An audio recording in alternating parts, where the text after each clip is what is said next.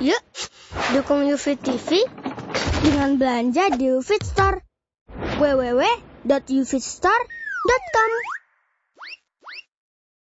Alhamdulillah wassalatu wassalam ala Rasulillah wa ala alihi wa sahbihi wa man tabi'ahum bi ihsanin ila yaumil amma ba'd.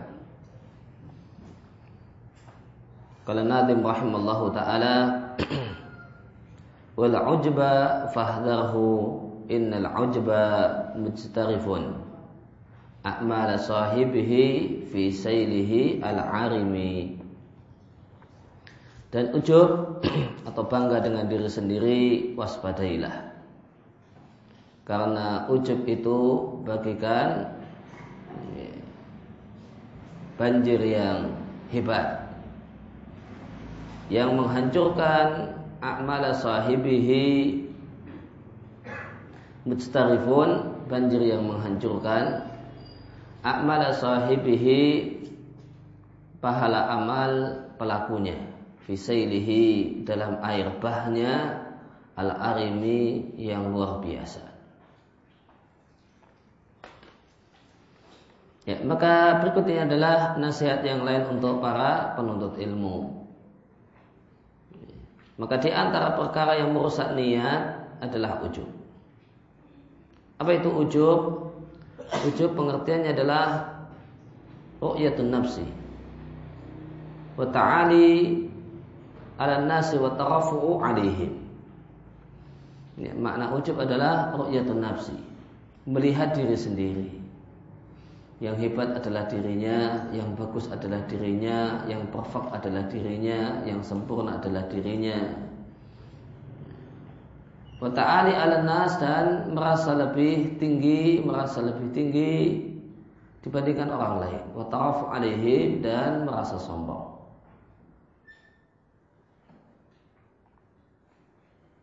Ya, maka ujub itu sebab munculnya sombong. Dan sombong adalah buah dari ujub. Dan ujub ini adalah akhlak yang tercela yang tidaklah layak dimiliki oleh ahadinas minal muslimin. Dimiliki oleh kaum muslimin biasa-biasa. Muslim biasa-biasa tidak layak memilikinya. Maka bagaimanakah dengan talibil ilmi? Penuntut ilmu yang telah Allah muliakan dengan ilmu. Dan Allah amanna alaihi Allah anugerahkan badannya pemahaman tentang Islam dan fikih tentang wahyu Allah Subhanahu wa taala. Dan seorang penuntut ilmu setiap kali dia merasa besarnya anugerah Allah pada dirinya dan betapa besarnya karunia Allah kepadanya dengan ilmu wa annahu dan sesungguhnya seandainya bukan karena anugerah Allah dan kasih sayangnya maka dia tidak akan memiliki ilmu dan mendapatkan ilmu sedikit pun maka jika ada perasaan semacam ini, dhahaba anhul ujbu. Ya, maka ujub akan hilang dari dirinya. Dan hatinya akan ramai, akan penuh dengan keikhlasan.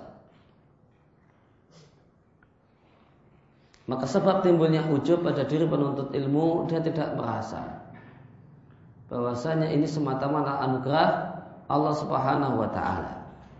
Seandainya bukan karena kemudahan-kemudahan dari Allah, dia tidak akan punya ilmu. Perasaan semacam ini hilang timbul ujub. Jika ada perasaan ini maka akan hilanglah ujub. Oleh karena itu maka obat ujub sebagaimana dalam Al-Quran adalah kalimat Masya Allah la quwata illa billah. Ini semata-mata kehendak Allah. Semata-mata kemudahan Allah subhanahu wa ta'ala. Tidak ada, kita tidak punya kekuatan illa billah kecuali dengan bantuan Allah pertolongan Allah. Sebagaimana Allah firmankan di surat Al-Kahfi ayat yang ke-39. Walaula ittakhalta jannataka qulta ma Allah la quwwata illa billah. In tarani ana aqalla minka mala wa walada. Laula di sini maknanya adalah kalimat motivasi. Seyukianya, seharusnya Ittakhalta jannataka ketika engkau masuk ke dalam kebunmu yang demikian indah maka katakanlah masya Allah la quwata illa billah Intarni akal anak akal minka jika engkau memandang aku lebih sedikit harta dan anaknya dibandingkan dirimu. Ya, maka surat Al-Kahfi ayat 39 dan bacaan Masya Allah la quwata illa billah ini adalah bacaan untuk menghilangkan ujub dari diri. Bukan bacaan pencegah ain. Sebagian orang berpandangan bahasanya kalimat untuk mencegah ain adalah ucapan masya Allah la quwata illa billah dan ini adalah satu hal yang tidak benar. Ya, sebagaimana dikatakan oleh Abdul Razak di sini, ya, kalimat masya Allah la quwata illa billah adalah obat ujub. Ya, tentu manakala ucapan tersebut dimasukkan ke dalam hati dan bukan hanya sekedar ucapan lisan. Ini semata-mata kehendak Allah, kemudian dari Allah, karunia Allah. La quwata illa billah kita tidak punya kekuatan ya, untuk bisa begini dan begitu kecuali karena ya, rahmat Allah Subhanahu wa taala. Adapun obat pencegah ain adalah tabrik ucapan ya, doa barokah. Barakallahu fik atau semacam itu. Bukan ucapan Masya Allah la quwata illa billah. Maka ingatlah nikmat Allah pada dirimu dan bahasanya segala perkara itu semata-mata dengan kehendaknya. Dan bahasanya engkau tidaklah punya kekuatan kecuali dengan pertolongan Allah Subhanahu wa taala. Bahasanya anugerah ada di tangan Allah, Allah berikan pada siapa saja yang Allah kehendaki dan Allah adalah pemilik anugerah yang besar. Dan sini Allah Subhanahu wa taala ya yang memberi yang memberi anugerah, mencegah anugerah. Dialah zat yang meninggikan sebagian orang yang layak untuk dimuliakan wal khafid dan merendahkan dan menghinakan orang yang selayaknya hina. Al-qabid, al-basid, dialah yang al-qabid menggenggam rezeki sebagian orang sehingga dia serat rezekinya Al-Basit dan dialah yang melapangkan rezeki sebagian orang sehingga dia pun hidup berkecukupan. Wal amru kulluhu maka segala urusan itu semata-mata diatur oleh Allah. Wa mannihi dan semata-mata anugerah Allah e, dan karunia Allah Jalla wa ala. Kemudian uh, penulis Nadam rahmatullah alaih menjelaskan bahaya ujub yang bahayanya adalah bahaya yang syadidah, bahaya yang hebat. Syadidah ini sifat atau naat untuk khaturah, bukan untuk ujub. Alal insan demikian besar bahayanya pada manusia. Beliau mengatakan ujub itu bagaikan air bah yang menghancurkan semua yang ada di depannya. Dan yang ada di depannya adalah amal orang-orang yang ujub. Fasabah al-ujba maka penulis nazam penulis nazam ya, Syahafid al-Hakami menggambarkan ujub itu dengan sail dengan ya, air hujan al-jarif al-arim yang sangat deras yang sangat hebat yang menghancurkan semua yang ada di depannya. Air hujan yang kemudian jadi banjir banjir bandang yang menghancurkan semua yang ada di depannya membawa dan menyeret semua yang ada di depannya itulah uh, banjir besar banjir bandang yang yudamir ma'amamah menghancurkan semua yang ada di depannya maka ketika seorang itu terkena penyakit ujub maka ujub itu akan menghancurkan amal-amal solehnya seluruhnya sehingga tidaklah tersisa ya, sedikit pun. Dan ujub ini adalah pengrusak amal setelah selesai beramal.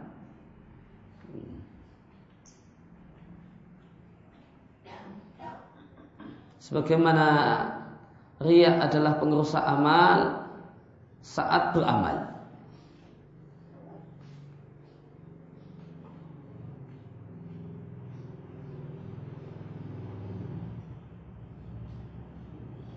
Maka sebagaimana uh, sebagaimana ria itu merusak amal di awal amal atau saat beramal, maka ujub adalah pengerusak amal setelah selesai beramal.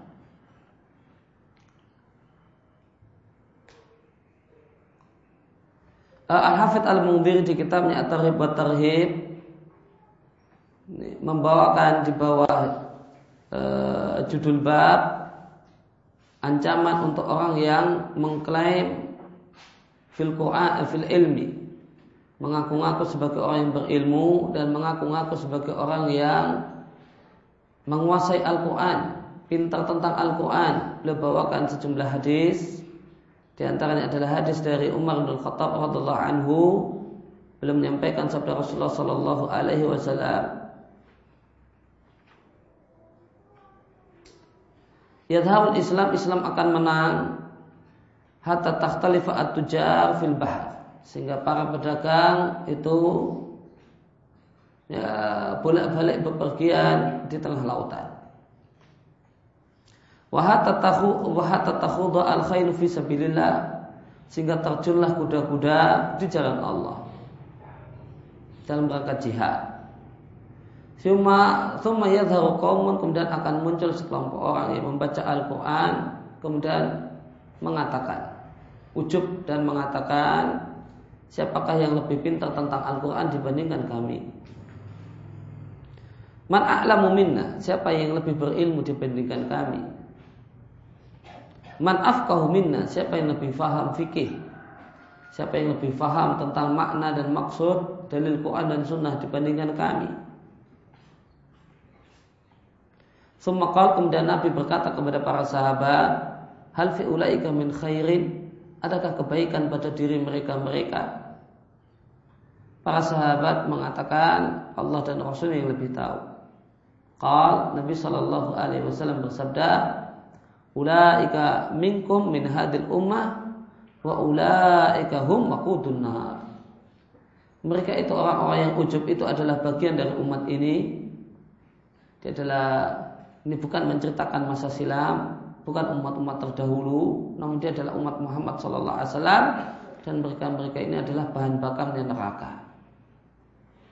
Ini artinya Nabi ancam orang-orang ujub dengan ilmunya, ujub dengan hafalannya, ujub dengan kemampuannya, penguasaannya terhadap Al-Quran. Nabi ancam dia untuk masuk neraka. Uh, Al-Mundhir mengatakan rahu Tabarani fil Awsat wal Bazar dengan sanad yang tidak mengapa dan dinilai hasan oleh Al-Albani Al-Albani menilainya hadis hasan di ghairihi. Dan yang benar Tabarani itu dengan fathah uh, dengan fathahnya ba tidak dengan sukunnya ba. Yang benar bacanya adalah Tabarani dan bukan Tabarani. Baknya di fathah bukan disukun.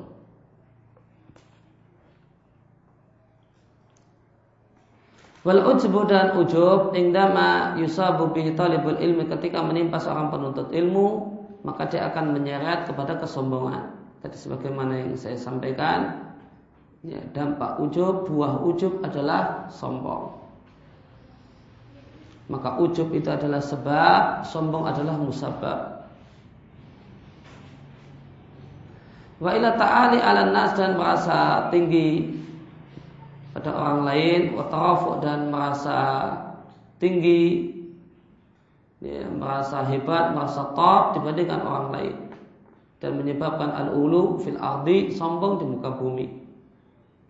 Padahal terdapat dalam hadis dari Nabi Shallallahu Alaihi Wasallam Nabi menyampaikan la yadkhulul jannata man kana fil qalbihi mithqalu dzarratin min kibrin. Tidaklah masuk surga orang yang dalam hatinya terdapat kesombongan meskipun mithqal seberat zarah. Zarah adalah semut yang kecil yang digunakan oleh orang Arab untuk mengungkapkan satu hal yang sangat-sangat kecil.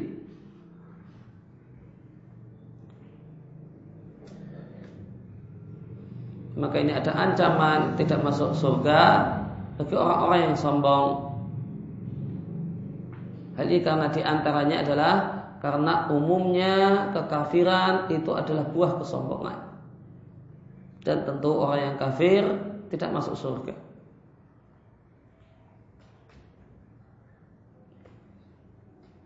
Dan ujub dan sombong e, di dataran realita adalah e, keadaan sebagian penuntut ilmu di awal menuntut ilmu. Baru saja belajar belum lama maka seakan-akan sudah merasa tahu semuanya.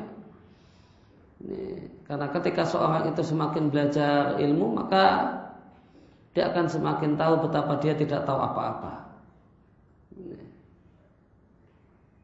Nah, karena itu maka disebutkan, ya, sebagaimana disebutkan di Hilyah Talibil Ilmnya Syabakar Abu Zaid, bahasanya ilmu itu ada tiga jengkal. Ya, ketika seorang itu pertama kali memasukinya, maka sering-seringnya sombong.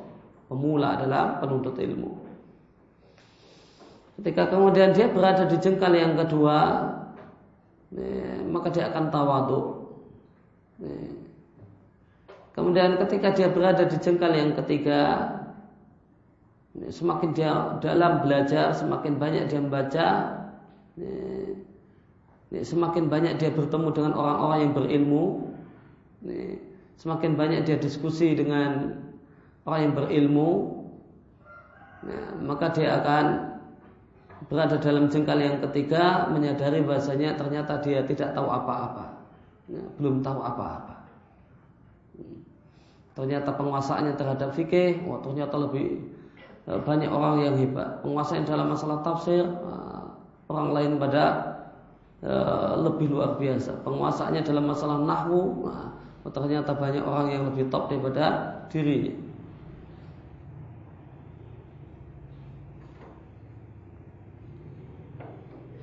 Kemudian kalau Nazim rahimallahu taala wabil muhimil muhimmi ibda litudrikahu wa qaddimin nasa wal ara'a fattahimi.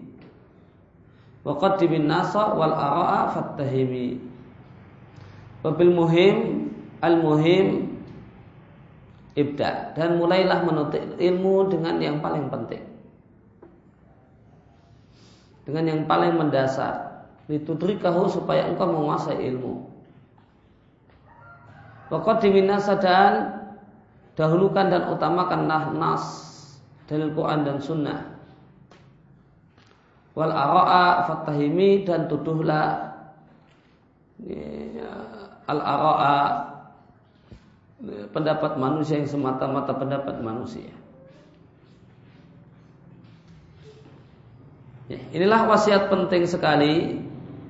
Ma'ah wajah betapa ya, para penuntut ilmu sangat membutuhkan terutama para penuntut ilmu pemula membutuhkan lima arifatiha untuk mengetahui wasiat ini. Bahasanya dalam menuntut ilmu ya, belajarlah secara sistematis. Dan belajar sistematis dalam ilmu adalah memulainya dari yang paling penting. Memulainya yang dari hal-hal yang mendasar. Karena kathiran maka karena banyak sekali orang yang yatakhabbat asal-asalan al-mubtadi'un para penuntut ilmu pemula banyak yang asal-asalan fi hadal amr dalam masalah menuntut ilmu. Hmm.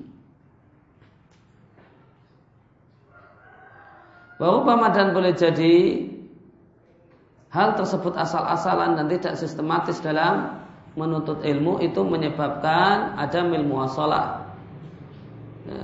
Tidak berlanjutnya dan tidak al-mudi dan tidak E, jalan terus dalam menuntut ilmu. Nah, karena dia mendapatkan kebosanan. Dan di antara sebab bosan adalah karena tidak sistematisnya dalam belajar. Karena dia mentok di mana-mana. Kalau dia tidak faham? Dan tidak fahamnya itu karena tidak sistematis dalam belajar. Dia telah membaca buku yang selayaknya belum dia baca. Ya, sehingga bacanya kok tidak dong sama sekali. Karena memang belum levelnya hanya dia tinggalkan buku tersebut. Bahkan dia tinggalkan kegiatan belajar secara total.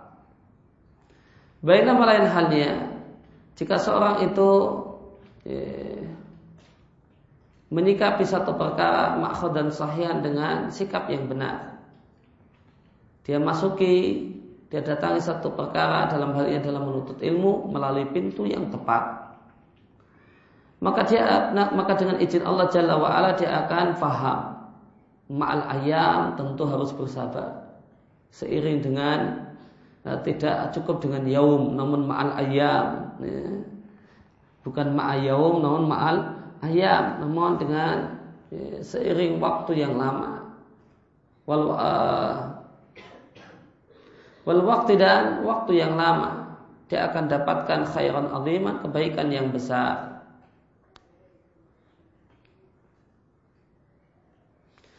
bil muhim bil muhim ibda litudrikahu ya, maka mulailah dengan yang paling penting litudrikahu supaya engkau mendapatkan ilmu hunya ay litudrikal ilma. Supaya engkau mendapatkan ilmu. Dan engkau dapatkan minhu dari kegiatan belajar ilmu khairan kathiran kebaikan yang banyak. Tadarat fi bertahaplah sistematislah dalam uh, dalam belajar. Dan ini adalah kaidah yang sangat berfaedah bagi para penuntut ilmu. Dan kaidah ini mulailah dari yang paling penting. Ini diambil dari sejumlah dalil. Di antaranya adalah firman Allah Ta'ala. Wa katabana lahu fil alwah. Dan telah kami catat baginya fil alwah dalam lembaran-lembaran. Yaitu lembaran-lembaran Taurat telah kami catat mingkuli syekh segala sesuatu mu'idatan sebagai nasihat wa tafsilan dan rincian likuli syekh terhadap segala sesuatu. Fakhudha bikuwatin. Maka ambillah Taurat ini firman Allah kepada orang Yahudi atau kepada Bani Israel atau ambillah ajaran Allah Subhanahu wa taala ya, dengan penuh semangat. Amalkanlah apa yang diperintahkan oleh Allah Subhanahu wa taala dengan energik dan penuh semangat. Bukan dengan kemudian aras-arasan dan loyo. Wa'mur kaumuka dan perintahkanlah kaummu ya'khudhu bi ahsaniha untuk mengambil yang terbaik, yang paling bagus, yang paling penting. Ini maka ya'khudhu bi ahsaniha ini dalil bahasanya dalam belajar mulailah dalam belajar dengan wahyu belajar uh, belajar mengkaji firman Allah Subhanahu wa taala mulailah dengan yang paling urgen yang paling mendasar itulah yang dimaksud ya'khudhu bi ahsaniha demikian juga firman Allah Jalla wa ala dan orang-orang yang mendengarkan perkataan fayattabi'una ahsanah kemudian dia mencari yang terbaik yang terpenting Ulaika alladzina hadahumullah. Mereka itulah orang-orang yang akan Allah berikan padanya orang-orang yang Allah berikan padanya hidayah. Wa ulaika ulul albab. Itulah orang-orang yang cerdas. Orang yang cerdas, segala sesuatu itu perlu tahapan. Segala sesuatu itu perlu sistematik. Dan sistematik itu dimulai dari hal yang mendasar. Itulah orang yang ulul albab orang yang cerdas, orang yang cerdas dalam belajar. Ya, maka dia akan memulai dari hal yang paling penting. Wafihadal makna dan pesan ini juga e, muatan pesan ini kita jumpai dalam ucapan seorang penyair. Ma'aksawal ilma nisirah ta'ajub wa ma'awsa'ahu ya, dan sama ini sirah ta'ajub betapa banyaknya ilmu dan betapa luasnya ilmu. Ilmu adalah lautan yang tidak bertepi lautan yang tidak memiliki pantai. Man dzalladzi yaqdiru ayajma'ahu? Lalu siapakah yang mampu untuk mengumpulkannya menguasainya? In kunta la buddalahu jika engkau tidak boleh tidak harus menjadi penuntut ilmu. Muhawilan dan berupaya untuk mendapatkan ilmu faltamas faltamis anfa'ahu. Maka carilah ilmu yang paling manfaat. Maka carilah pelajarilah ilmu yang paling mendasar. Terlebih dahulu. Walihada oleh karena itu maka penuntut ilmu sepatutnya untuk ayat tadarruj bertahap dalam mempelajari ilmu. La ayaruma roma yarumu menginginkan janganlah dia e, tidak boleh baginya untuk menginginkan untuk mendapatkan ilmu jumlatan wahidatan sekaligus.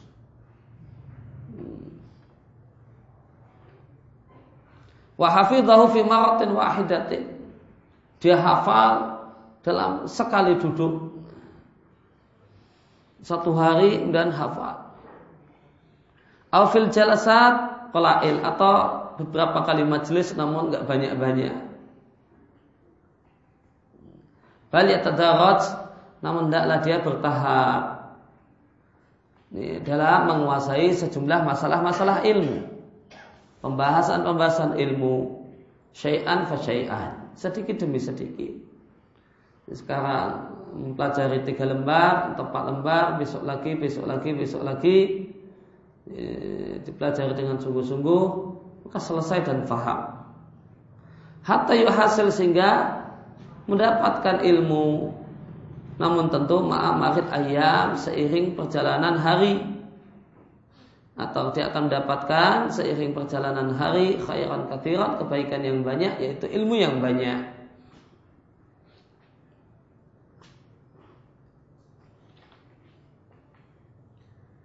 Terkait, terkait dengan masalah ini ada firman Allah Azza wa Jal. Maka tidaklah pantas ya tidaklah boleh bagi manusia yang Allah berikan kepadanya Alkitab. Allah berikan padanya kitab suci wal hukmah dan hikmah dan kenabian. Thumma yakula linnas Tidaklah pantas seorang nabi Berkata kepada manusia Kuno ibadali Jadilah kalian para penyembahku Dengan meninggalkan Allah. Walakin namun hendaknya para nabi Dan seharusnya para nabi Itu kalimat yang dia sampaikan Kepada umatnya Kuno rabbaniin Jadilah kalian rabbani.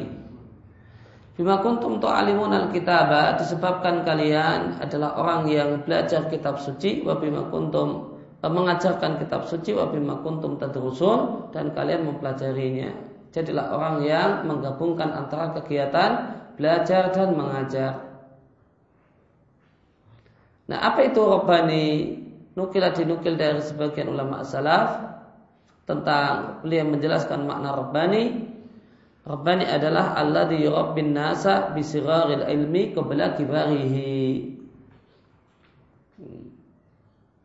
Dia adalah orang yang dia adalah orang yang pendidik yang yurabbin nas yang mendidik orang lain ya, mendidik anak didiknya mendidik objek dakwahnya bisiraril ilmi dengan ilmu yang kecil maksudnya ilmu yang mendasar Qabla kibarihi sebelum ilmu yang besar, ilmu yang ruwat-ruwat dan ilmu yang gawat-gawat.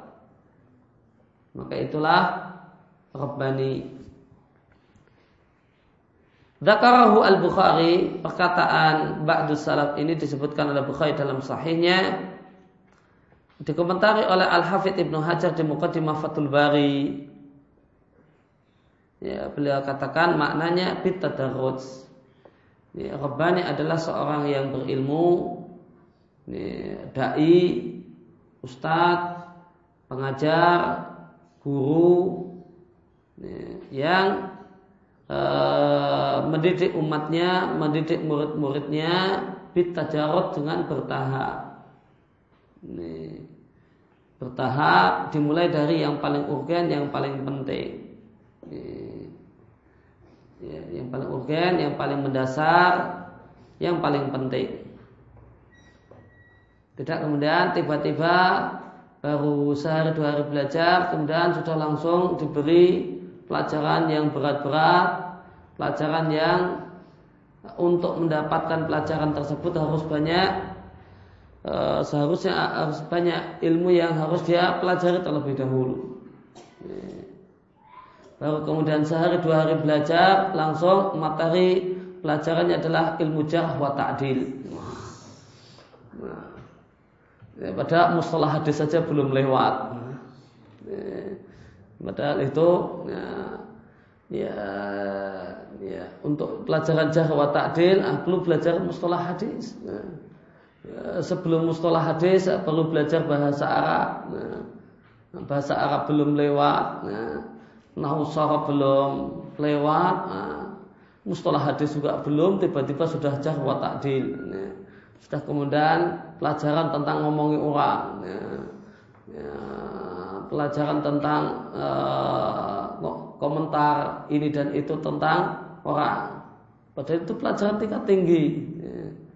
Nah, namun ya, sebagian uh, dai atau sebagian orang nah, itu menjadikannya sebagai pelajaran dasar, nah, menjadi pelajaran usul, pelajaran mendasar. Ini namanya bukan alim robbani, namanya bukan alim robbani. Ya, alim robbani ya, adalah yang uh, mendidik murid-muridnya bitadarot dengan bertahap. Ini. Yang mengajarkan zirarul ilmi, ilmu yang dasar-dasar terlebih dahulu ya, sebelum ilmu yang kuat-kuat. Wada amr dan ini adalah satu perkara yang sangat dibutuhkan oleh al-mubtadi. Ya, bedakan hamzah dengan ain. Ya. Yang, yang dibutuhkan oleh al-mubtadi dibutuhkan oleh pemula ya, hajatan syadidatan dengan kebutuhan yang sangat mendesak. Maka seorang penuntut ilmu atau pemula dalam penuntut ilmu dia harus punya prinsip saya cari yang dasar.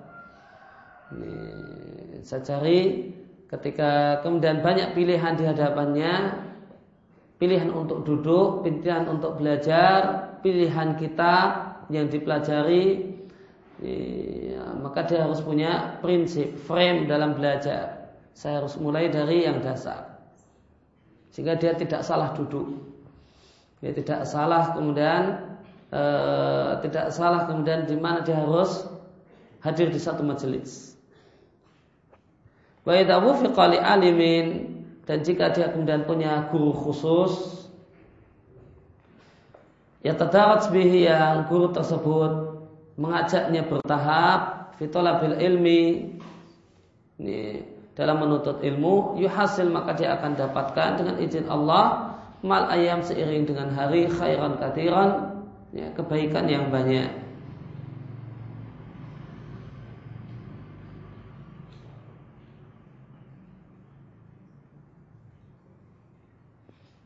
ya.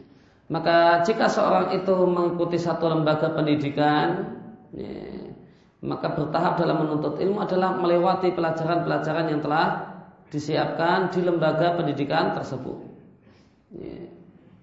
Namun jika dia tidak terikat dengan satu lembaga pendidikan, di sini ada banyak majelis, banyak banyak kitab yang dikaji, banyak pilihan, maka bertahap dalam menuntut ilmu itu ada pada dirinya. Ada pada diri, hendaknya jadi frame dan ada pada diri si penuntut ilmu. Yang ini kemudian mengharapkan dia untuk saya harus duduk di mana.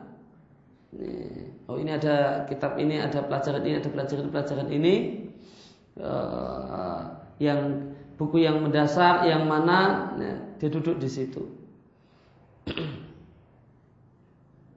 Baru kemudian setelah oh saya sudah belajar ini, saya perlu belajar yang lain. Yang setelah itu maka kemudian dia jumpai oh di majelis yang sana ada pelajaran yang lain. Maka bertahap dalam menuntut ilmu itu dipegang oleh si talibil ilmi jika dia tidak terikat dengan satu lembaga pendidikan. Jadi kalau dia terikat dengan satu lembaga pendidikan, bertahap dalam menuntut ilmu ya sudah ya, mengikuti alur pendidikan yang telah disiapkan karena telah disiapkan lembaga tersebut langkah-langkah untuk bertahap dalam belajar.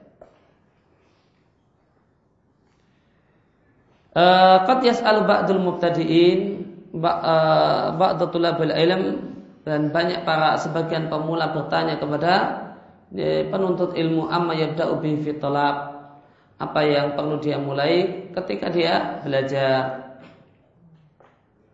Fayumli lalu kemudian talibul ilm yang dia tanyai lalu kemudian mendiktekan padanya kutuban kathiratan banyak buku. Kamu harus belajar ini ini ini ini ini ini. Wa mislu hadza la yaslu. Kata beliau komentar beliau komentar Sabtu Razak ya, sikap si talibul ilm ini tadi ketika ngasih pengarahan kepada uh, kepada pemula ini adalah sikap yang tidak tepat. Layaslu tidaklah layak ayum li alaihi ini, untuk kemudian dia diktekan kepadanya atau ayumla alaihi qaimatun minal kutub daftar kitab. Maka kamu harus beli ini ini ini ini. Beliau tahu kitaban wahid. Nah, sikap yang benar kalau anda sedang kemudian mau jadi orang yang pemula dalam penuntut ilmu dalam artian pemula untuk serius menuntut ilmu maka berikan kepadanya satu kitab saja daftar itu nanti disimpan. Nanti kalau sudah selesai nanti ganti ini ganti ini. Jangan kemudian ini lo nah, beli semua ya. Nah. Ini cuma ketumpuk nih. Ya, maka berikan padanya satu kitab fihi ummahatul masail yang terkandung dalamnya pokok-pokok bahasan agama dan e, dan kaidah-kaidah agama dan kaidah-kaidah syariah. Berilah kemudian e, pesanilah dia untuk menghafalnya atau minimal untuk mengulang-ulang membacanya, mentelaahnya hatta yakuna lahu kal kaidah. Sehingga jadilah buku dasar tadi menjadi landasan. Menjadi uh, rujukan pokok. Suma ba'da dzalika kemudian setelah itu eh, yadkhul syai'an fa syai'an. Mintalah dia untuk masuk dalam dunia ilmu sedikit demi sedikit bitadrij dengan bertahap. Melihat oleh karena itu maka buku terbaik yang uh, diwasiatkan untuk pen, uh, untuk pemula dalam menuntut ilmu uh, di bidang hadis terutama katakan adalah arba'in nawawiyah matan arba'in nawawiyah. Jangan berikan yang lainnya. Semua ba'da dalika kemudian setelah telah belajar apa nawawiyah dan mengetahui isi kandungannya dan di sana dia akan dapatkan prinsip-prinsip beragama prinsip-prinsip dalam bermuamalah, dalam uh, bertindak. Nah. Semua pada dalika kemudian setelah itu bertahap ya, bersamanya untuk mempelajari sejumlah buku di bidang tauhid, di bidang fikih ibadah, di bidang adab, di bidang tafsir, fikih dan yang lain.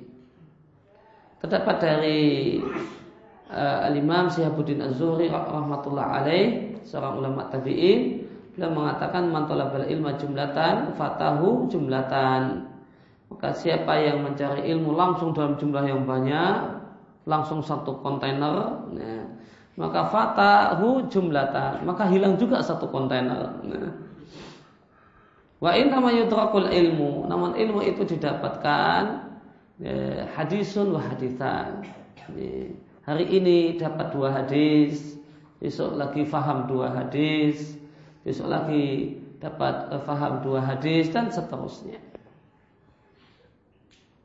Artinya maksud beliau dengan hadis atau dua hadis maksudnya adalah uh, yaitu dia berjalan bersamanya bersama ilmu kita jerit dengan bertahap sedikit demi sedikit. Wahadal makna dan hal ini makna ini bertahap, kontinu, bertahap, bersabar, sedikit demi sedikit Eh, dalam menuntut ilmu adalah satu pesan yang bisa kita simpulkan juga dari sabda Nabi Shallallahu Alaihi Wasallam atau Alaihi Wasallam. Amal yang paling utama adalah yang paling eh, yang paling kontinu meskipun sedikit. Termasuk di antaranya adalah amal berupa menuntut ilmu. Yang paling utama adalah yang kontinu. Yang orangnya komitmen.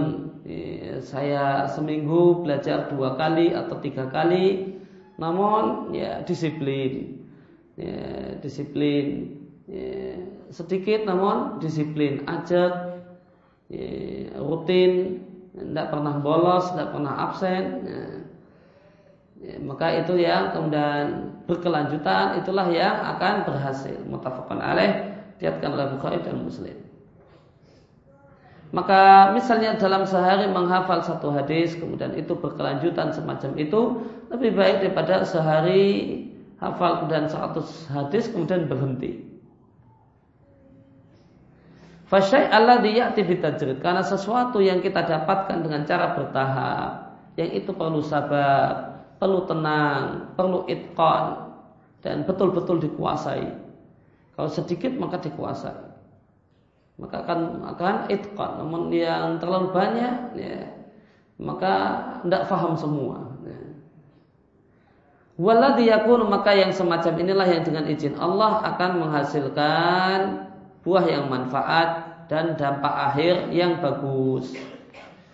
Sebagaimana dikatakan oleh seorang penyair,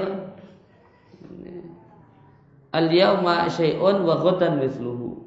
Hari ini dapat satu poin, besok satu poin yang semisal. Min bil ilmi dari pilihan-pilihan ilmu, dari mutiara, dari pilihan-pilihan ilmu. Allati tultaqatu yang di ya, diambili, yang dijumputi, yang di uh, diambil. Ya hasil alma ubiyah hikmatan Maka seorang itu akan mendapatkan dengan mengikuti jalan ini Dia akan mendapatkan hikmah Dia akan mendapatkan ilmu Wa inam masailu karena sesungguhnya air banjir itu istima'un nuqati adalah kumpulan dari tetes-tetes air hujan.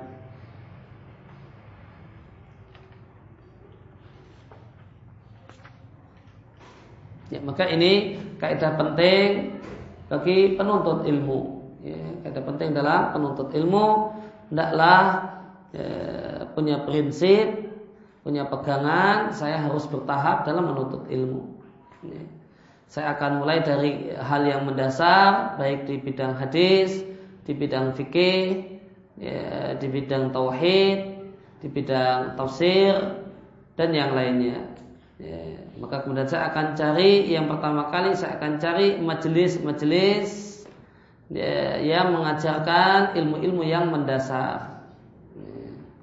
Bahkan jika perlu supaya ilmu yang mendasar ini harus kokoh, ilmu yang mendasar ini harus kokoh. Maka seorang penuntut ilmu hendaknya tidak bosan untuk boleh jadi mengikuti majelis yang sama.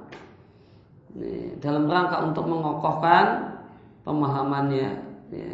Dia sudah pernah uh, belajar arba'in nawawiyah. Dan besok lagi kapan lagi? Ada daurah arba'in dia ikut lagi. Sampai betul-betul kandungan arba'in itu masuk semua ke dalam hatinya. Masuk semua dalam pikirannya. Sampai-sampai betul-betul dia ngelontok terhadap isi arba'in. Maka itu tidak maka janganlah bosan demikian. Janganlah bosan untuk, uh, untuk semacam itu. nah, nanti karena karena dengan banyak kemudian uh, diulang, boleh berkali-kali diulang, ya, maka akan betul-betul itqan isinya akan betul-betul dikuasai. Baru setelah itu kemudian akan mudah untuk belajar hal yang lainnya, hal yang lainnya.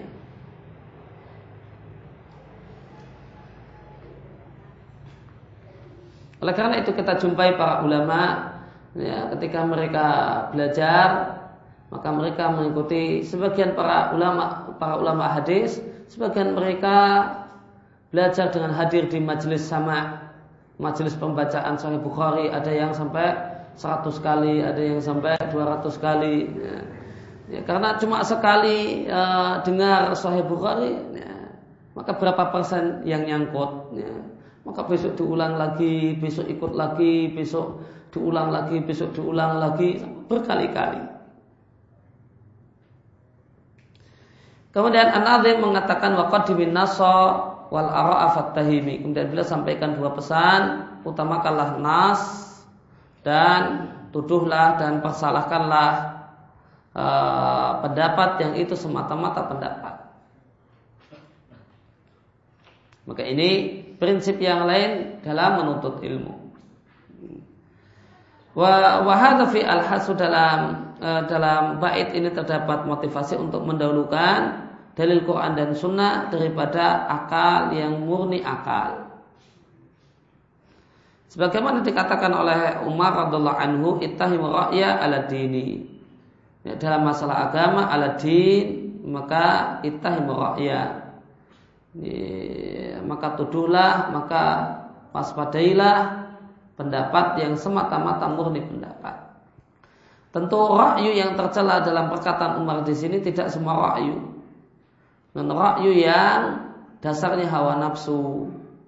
Adapun rakyu yang itu merupakan saripati sejumlah dalil, kesimpulan dari sejumlah pertimbangan.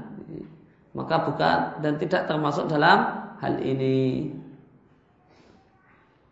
Demikian juga perkataan Ali radhiallahu anhu seandainya agama itu dasarnya adalah semata-mata pendapat, niscaya bagian bawah khof lebih berat untuk diusap karena dialah yang kotor daripada bagian atasnya. Non aku lihat Rasulullah Sallallahu Alaihi Wasallam mengusap bagian atas khof.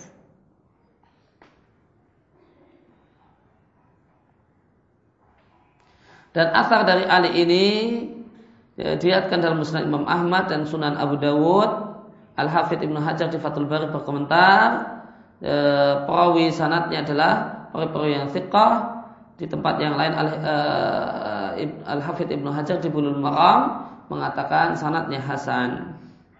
Demikian juga sanatnya dikatakan jayid oleh Ibnu Al-Qayyim di kitab I'lamul Muwaqqi'in di awal-awal kitab I'lamul Muwaqqi'in dan Ibnu Al-Qayyim punya perkataan yang sangat-sangat penting dan pembagian yang sangat penting seputar ra'yu al-madmum uh, uh, pendapat yang tercela, ra'yu yang tercela. Ya, yang intinya bila sampaikan di kitab tersebut pasti tidak semua ra'yu itu tercela. Uh, tidak semua pendapat itu tercela. Ada yang tercela dan ada yang terpuji. Di antara hal di antara ra'yu yang tercela tentu adalah ra'yu yang bertolak belakang dengan dalil Quran dan Sunnah. Nyata-nyata itu bertentangan dengan dalil Quran dan Sunnah. Atau kemudian ra'yu berupa e, perkataan yang asal, ya, asal saja tanpa dasar, tanpa dasar. Tidak ada pertimbangannya. Kenapa demikian? Tidak ada Eh, nggak ada dasarnya, nggak ada dasarnya, nggak ada alasannya. Boleh jadi bertentangan, bertentangan itu artinya Qurannya ada, hadisnya ada, ini ada wahyu. Jika kita jajarkan, loh kok ini kontradiktif, ini ke utara, ini ke selatan. Atau tidak berdasar, bicara tentang masalah agama, tidak ada dasarnya sama sekali. Tidak ada dasarnya sama sekali. Ya, sebagaimana Eh, kemarin siang saya uh, kebetulan mendengarkan orang ceramah, ya, ceramah tentang masalah Muharram, uh, ya, tentang masalah Asyura. Ya, beliau sampaikan bahasanya ya, di antara hal yang Nabi tuntunkan, beliau katakan demikian adalah saat tanggal 10 Muharram untuk uh, mendatangi anak-anak yatim. Datangi anak-anak yatim ya, untuk mengusap kepala anak-anak yatim. Ya. Dan ini uh, adalah satu hal yang berdasarkan hadis yang taif. Ya. Ya, kemudian uh, kalau ada dasarnya namun hadis hadis taif. Ya. Mengusap anak yatim di hari Asyura. atau hadis daif atau daif jidan atau ya, yang jelas dasarnya tidak kuat. Setelah itu yang yang unik adalah kelanjutannya, ya, cara mengusap anak yatim cara mengusap anak yatim. Uh, beliau sampaikan uh, kalau mengusap kepala anak yatim itu dari belakang ke depan. Dari depan, dari belakang ke depan. Uh, depan ah, ini cara mengusap anak yatim. Kalau yang nggak yatim itu kebalikannya dari depan ke belakang. Waduh ini gimana ada tafsir kayak gini tuh? Kalau kalau anak kecil yang bukan yatim itu dari depan ke belakang. Kalau anak yatim itu dari belakang ke depan. ya, maka ya. E, bisa kita pastikan bahasa ini adalah perkataan yang tidak berdasar, rincian yang tidak ada dasarnya. Wal wajib ala talibil ilmi maka menjadi kewajiban penuntut ilmu untuk mendahulukan nas. Ya, perkataan Allah, ya, firman Allah dan perkataan Rasulnya alaihi salatu wassalam. Dan adalah dia tuduh pendapat, dia tuduh dan dia dia permasalahkan jika itu semata-mata pendapat dan ini dalam masalah agama. Sebagaimana dikatakan idza al-athar batalan nadhar. Jika terdapat athar, terdapat riwayat, terdapat e, dalil dari Quran dan Sunnah batalan an nadar maka hasil logika itu batal. Ungkapan yang lain mengatakan idza ja'a nahullah batala nahul maqal. Jika datang sesuatu yang berasal dari Allah, maka semua pendapat itu batal. Hmm. Idza wujidal ma batala tayammum. Ya. Jika ada air maka tayamum itu batal.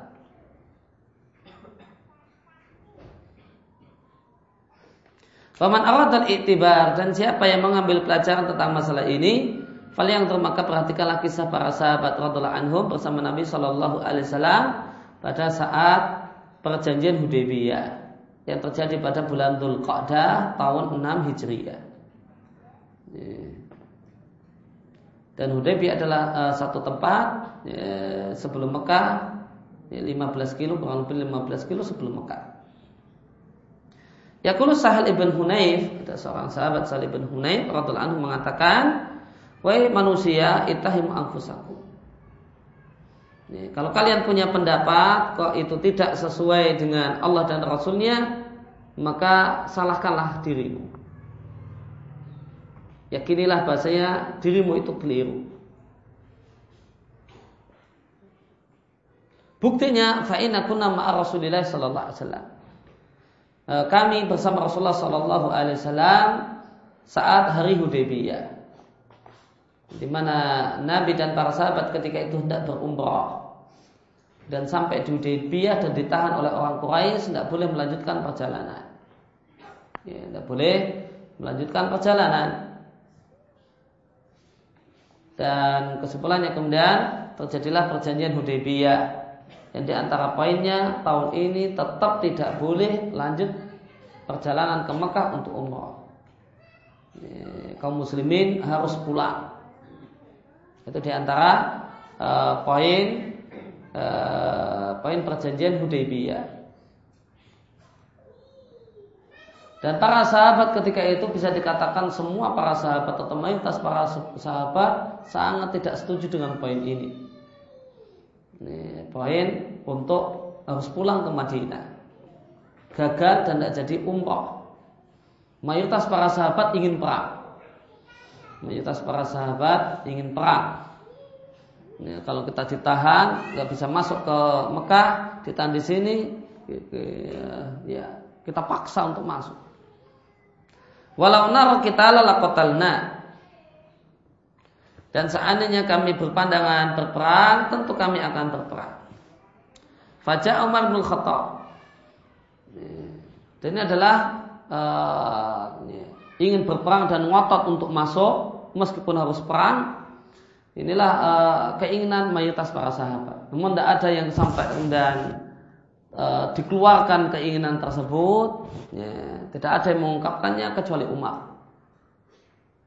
Maka datanglah Umar bin Khattab, datang menghadap Nabi Shallallahu Alaihi Wasallam dan mengatakan ya Rasulullah, alasna alal haq. Ya Rasulullah, bukankah kita berada di atas kebenaran? Wahum alal batil dan mereka orang-orang Mekah, orang-orang Quraisy, mereka berada dalam kebatilan. Maka Nabi katakan betul. Lalu Umar mengatakan alasna qatlana fil jannah wa qatlahum fil nar. Nabi kalau kita perang dengan mereka, orang-orang yang terbunuh di, di antara kita surga tempatnya dan orang-orang yang terbunuh di antara mereka neraka tempatnya. Nabi katakan, bala betul. Kalau fa'alama atas apa? Atas dasar apa? Manyama istifham. Alanya huruf C fa'alama Maka atas dasar apa? Nuktidaniyah. Kita kita memberikan kehinaan. Kita memberikan kehinaan untuk agama kita. Mereka nyuruh kita pulang kemudian kita pulang. Ini yang nyuruh orang kafir. Kenapa kita manut-manut sama orang kafir? Mereka nyuruh kita pulang, mereka mengatakan kamu tidak boleh umrah tahun ini, kemudian kita ini hina. Ini penghinaan, merendahkan martabat. Anarji, apakah kita akan pulang ke Madinah? Wala mayahkumullah bainana wa bainahum. Padahal Allah belum ngasih putusan. Kalau kita perang siapa yang menang? Kalau kalah kemudian kita kembali ya tidak apa-apa. Ini belum ada keputusan apa pun dari Allah dengan seandainya kita perang. Kenapa kita harus pulang?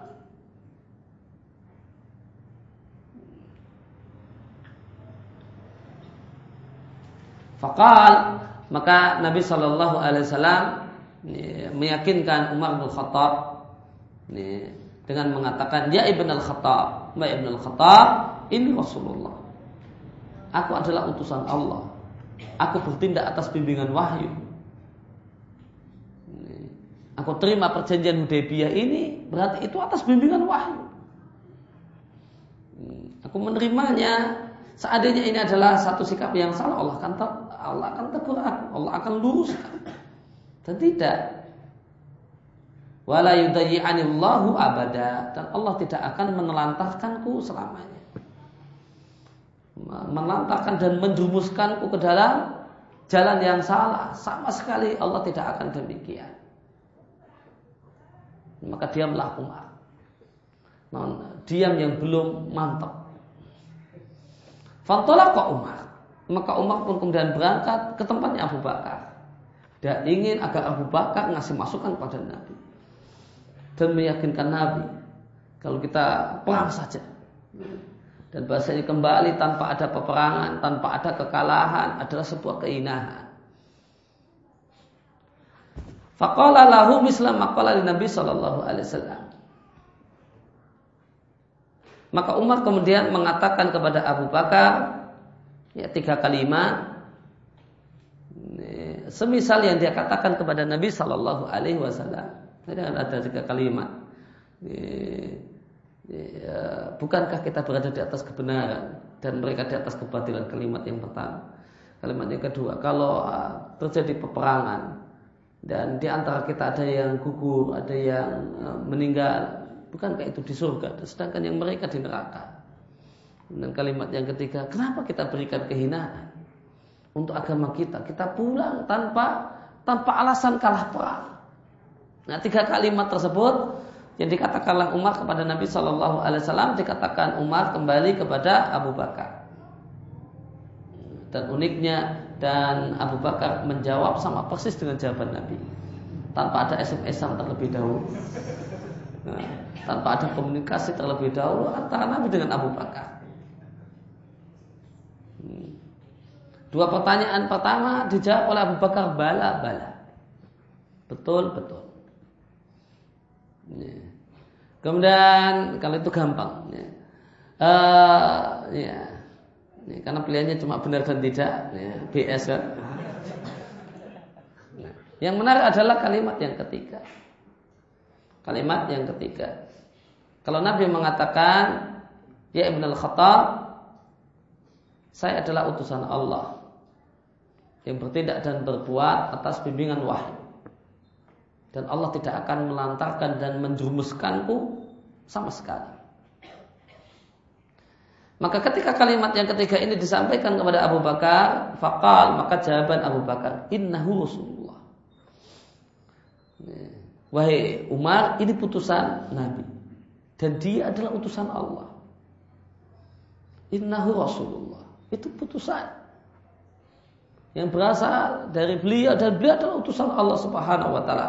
Wala yudayyi'ahullahu abada sama persis. Dan Allah Subhanahu wa taala tidak akan menelantarkan dan menjerumuskan beliau sama sekali. Sama persis dengan jawaban Nabi. sama persis dengan jawaban Nabi. Diksinya macam-macamnya sama persis. Cuma kemudian ada perubahan dari orang pertama ke orang yang ketiga. cuma itu saja. Adapun diksinya sama persis. tanpa ada komunikasi antara keduanya. Tanpa ada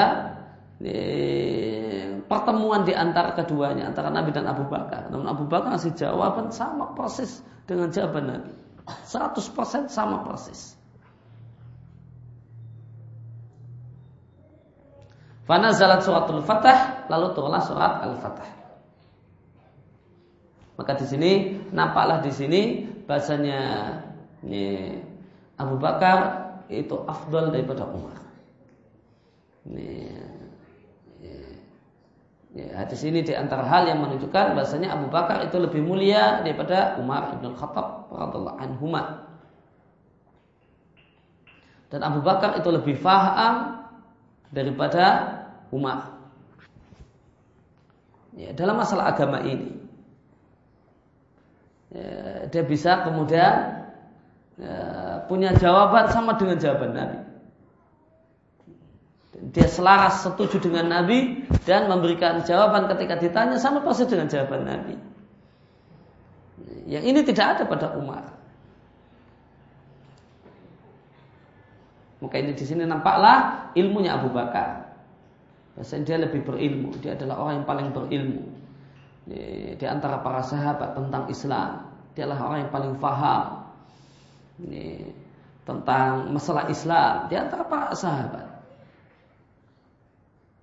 Maka turunlah surat Al-Fatah ayat yang pertama. Inna fatahna laka fatham mubina.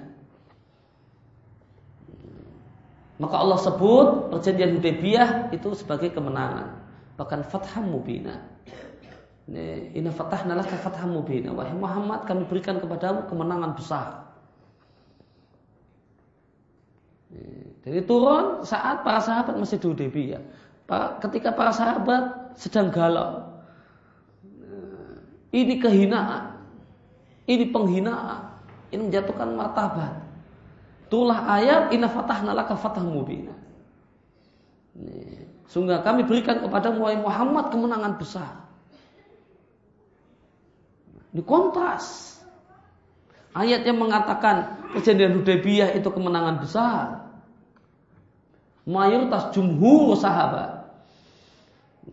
Jumhur sahabat mengatakan ini adalah adaniyah fidinina.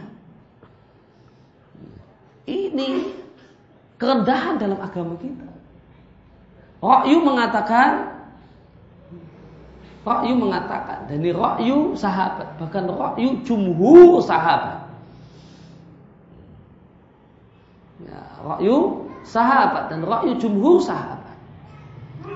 Bahasanya sulh Hudaybiyah adalah adaniyah fidiniyah.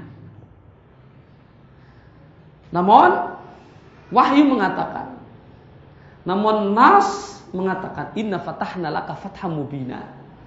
Kami berikan kepadamu kemenangan besar. Kontras. Dijajarkan kontras. Ini penghinaan loh. Ini malah kemenangan besar. Fakara'aha Rasulullah Sallallahu Alaihi Wasallam. Rasulullah Sallallahu Alaihi Wasallam kemudian membacakannya kepada Umar ila akhiriha sampai akhir ayat. Maka Umar pun mengatakan, Ya Rasulullah, awafatun huwa Apakah suluh Hudaybiyah ini sebuah kemenangan? Ayat ini sudah mengatakan ini kemenangan. Umat pun masih butuh takkit. Penegasan ulang. Nah, ini mengatakan ini kemenangan, bahkan kemenangan besar. Bukan Umar menolak ayat, namun kita katakan Umar ya, ya, perlu takkit. Masa perlu penegasan? Wahai Rasulullah, ini sebuah kemenangan. Ah, Nabi mengatakan, nah iya, ini kemenangan. Sulah Hudaybiyah itu kemenangan. Ya, hadis ini hadis uh, ini mutafaqan diatkanlah Bukhari dan Muslim.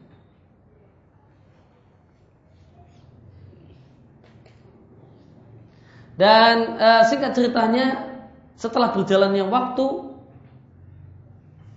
setelah berjalannya waktu barulah para sahabat itu betul-betul faham dan menyadari kalau perjanjian Hudaybiyah adalah kemenangan. Isi perjanjian Hudaybiyah itu kemenangan. Oleh karena itu maka di depan maka atas dasar ini atas dasar ini kemudian Sahal mengatakan ayuhan nas ittahimu anfusakum. Wahai manusia, ketika kalian punya ide, kalian punya pendapat dan itu tidak sejalan dengan nas, pikiran kalian mengatakan kemudian daging babi itu enak, nas mengatakan ini haram makan daging babi, maka itahimu anfusakum. Salahkan dirimu. Salahkan diri. Yakinlah bahasanya apa yang dikatakan oleh nas Quran dan Sunnah itulah yang hak Itulah yang manfaat untuk hidup manusia. Itulah yang terbaik. Maka kalau ide-ide kalian kok tabrakan dengan nas, ya, ide-ide kalian tabrakan dengan nas, ya, ya, maka ya, ya, maka yakinlah bahasanya ide-ide kalian itulah yang nanti akan terbukti keliru. Sebagaimana para sahabat, ya, mereka punya ide, yang idenya ini bertabrakan dengan nas dan terbukti bahasa ide mereka itu yang keliru. Dan apa yang dikatakan oleh nas itu yang salah. Jika kalian punya ide dan pemikiran ya, pelihara jenggot itu bikin orang bodoh. Nah, non syariat memerintahkannya yakinlah bahasanya idemu yang salah. Ya, pikiranmu yang salah dan yang benar adalah apa yang dikatakan nas.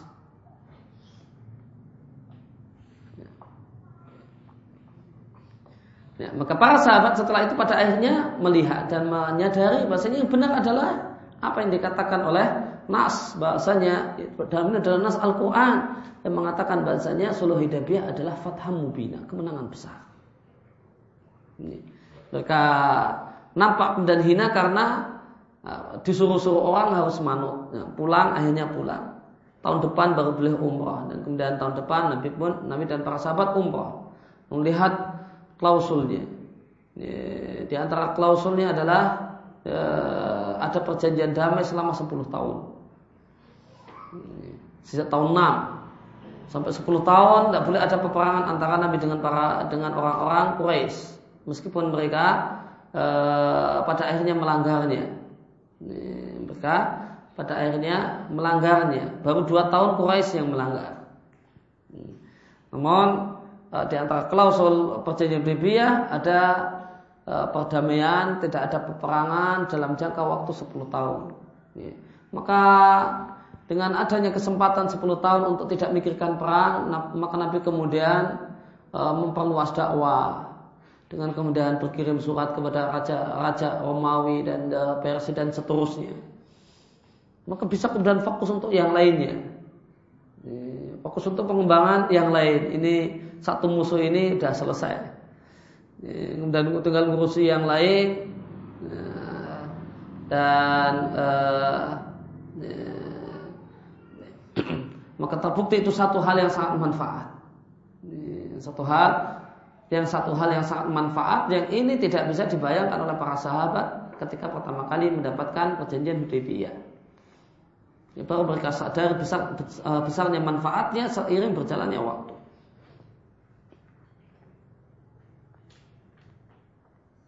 Ya, maka demikian juga dalam eh, masalah-masalah uh, yang lain. Ketika kita nyata-nyata ada satu pendapat yang itu murni cuma semata-mata pendapat, ya, yang tidak ada dasarnya, ya, bahkan kemudian ternyata kita jumpai dasar Quran dan Sunnah itu bertolak belakang dengannya, maka prinsip so, uh, prinsip setiap Muslim, prinsip yang hendaknya dimiliki oleh setiap Muslim dan terutama para penuntut ilmu, ya, pegangilah apa yang dikatakan oleh Quran dan Sunnah. Fatalibul ilmi maka penuntut ilmu ya, wajib memiliki kewajiban mendahulukan nas dan adalah dia menyudutkan dan menyalahkan dan mempermasalahkan, mempertanyakan pendapat yang murni pendapat ketika itu berkenaan dengan masalah agama. Adalah dia utamakan uh, perkataan firman Allah dan perkataan Rasulnya alaihi salatu wassalam. Sebagaimana firman Allah Ta'ala Wahai orang-orang yang beriman, taatlah kalian pada Allah, taatlah pada Rasul dan ulil amri di antara kalian. yaitu di antara orang-orang yang beriman yaitu para ulama ulil amri masalah agama dan para penguasa muslim ulil amri dalam masalah dunia fi Maka jika kalian berselisih tentang sesuatu, ini punya rakyu, ini punya rakyu, ini punya pendapat, itu punya pendapat, fardu ila Allah wa Rasul. Maka bandingkanlah dengan Quran dan Sunnah. In kuntum tu'minu billahi wal yaumil akhir, jika kalian betul-betul beriman pada Allah dan hari akhir, kemudian ambillah dan simpulkanlah mana yang lebih dekat dengan dalil dzalika khairu ahsanu ta'wila, maka itulah uh, itulah yang lebih baik dan lebih bagus dampaknya. Kemudian kalau Nadim rahimahullah taala qadim wujuban dan dahulukanlah dan ini hukumnya wajib ulumadin untuk belajar ilmu agama. Inna biha karena dengan ilmu agama ya binu maka jelaslah nahjul huda jalan hidayah min mujibin niqami daripada hal-hal yang akan menyebabkan hukuman dan seksaan Allah. Maka pada saat Anda mulai menuntut ilmu dan tahsil, dan berupaya untuk mendapatkan ilmu, maka dahulukanlah ilmu agama dibandingkan dengan ilmu duniawi. Terutama ilmu-ilmu agama yang mendasar, ya, akidah yang mendasar dan ilmu tentang bagaimanakah tohara, bagaimanakah sholat yang benar. Wa malayatimu al wajibu ila bidan ya, sarana-sarana yang eh, sarana-sarana pendukung untuk menjalankan kewajiban. Ketika seorang itu dia punya kewajiban ya, untuk kemudian berdagang atau ya, maka dia wajib belajar ilmu masalah dagang. Fahadi kulluhu, fahadi kulluha maka ini semua tidaklah yang diutamakan. Wabia maka dengan ilmu-ilmu semacam ini tidaklah yang mulai dengan ilmu-ilmu semacam ini sebelum mempelajari hal yang lainnya. Dan hal ini Kata beliau wujuban hukumnya wajib, bukan satu hal yang dianjurkan, namun satu hal yang merupakan kewajiban. Kenapa? Karena dengannya maka akan diketahui jalan petunjuk dan manakah jalan yang akan mengantarkan pada seksa Allah Subhanahu wa taala. Artinya inna ulumaddin bahasa ilmu agama itulah yang dengannya seorang penuntut ilmu bisa membedakan manakah hak dan manakah batil manakah hidayah dan manakah sesat, manakah sunnah, manakah bid'ah, manakah yang taib dan manakah yang khabis, mana yang halal dan mana yang haram. Mana rezeki yang halal, mana uang yang halal dan mana yang khabis yang haram. Tidak mungkin itu semua bisa didapatkan uh, kecuali dengan uh, menuntut ilmu. Maka dengan ilmu agama, dengan orang untuk belajar, ya, belajar dengan uh, belajar kitabul buyu, nah, maka orang akan tahu manakah duit yang halal, manakah duit yang haram, manakah dagang yang halal, dagang yang benar, yang sesuai syar'i dan mana yang tidak.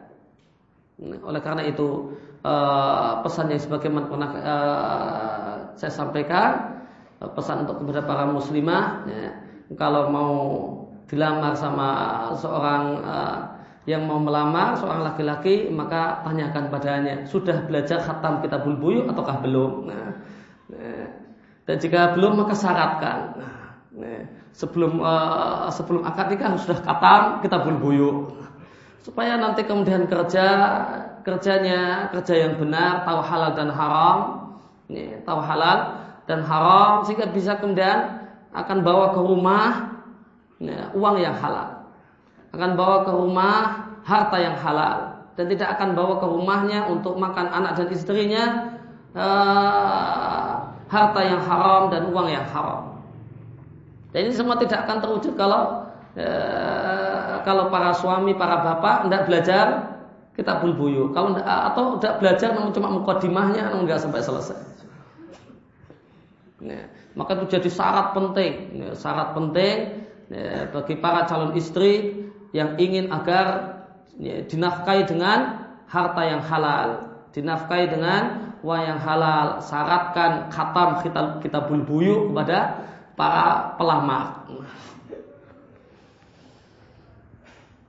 Wakula kasr al jabiruhu dan semua kekurangan manusia, kekurangan yang dimiliki oleh manusia fadinu jabiruhu maka agamalah yang menutupinya. Agamalah yang menambal kekurangan tersebut. Jabir mana asalnya adalah menambal. Wal kasru dan e, mana asal kasar patah. Wal kasru namun rusaknya agama, patahnya agama. Sa'bun adalah rusak yang sulit, ghairu multaimi yang tidak mungkin tertambal.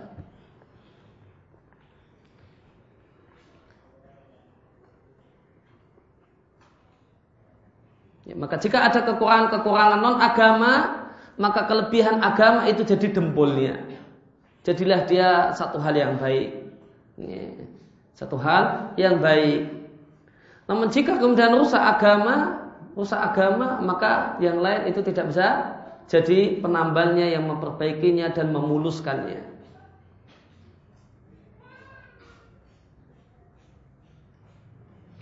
Uh, maka uh, saya Hafid Al-Hakam yang mengatakan perhatikan oleh para penuntut ilmu semua musibah yang menimpa seseorang dan musibah tersebut bukan musibah agama maka akan tertutup dengan musibah, uh, dengan agama sebagaimana dijelaskan oleh uh, sabda Nabi Shallallahu Alaihi Wasallam betapa menakjubkannya sifat orang yang beriman sesungguhnya keadaan orang beriman seluruhnya adalah kebaikan dan hal tersebut tidak akan terjadi kecuali pada orang yang betul-betul beriman.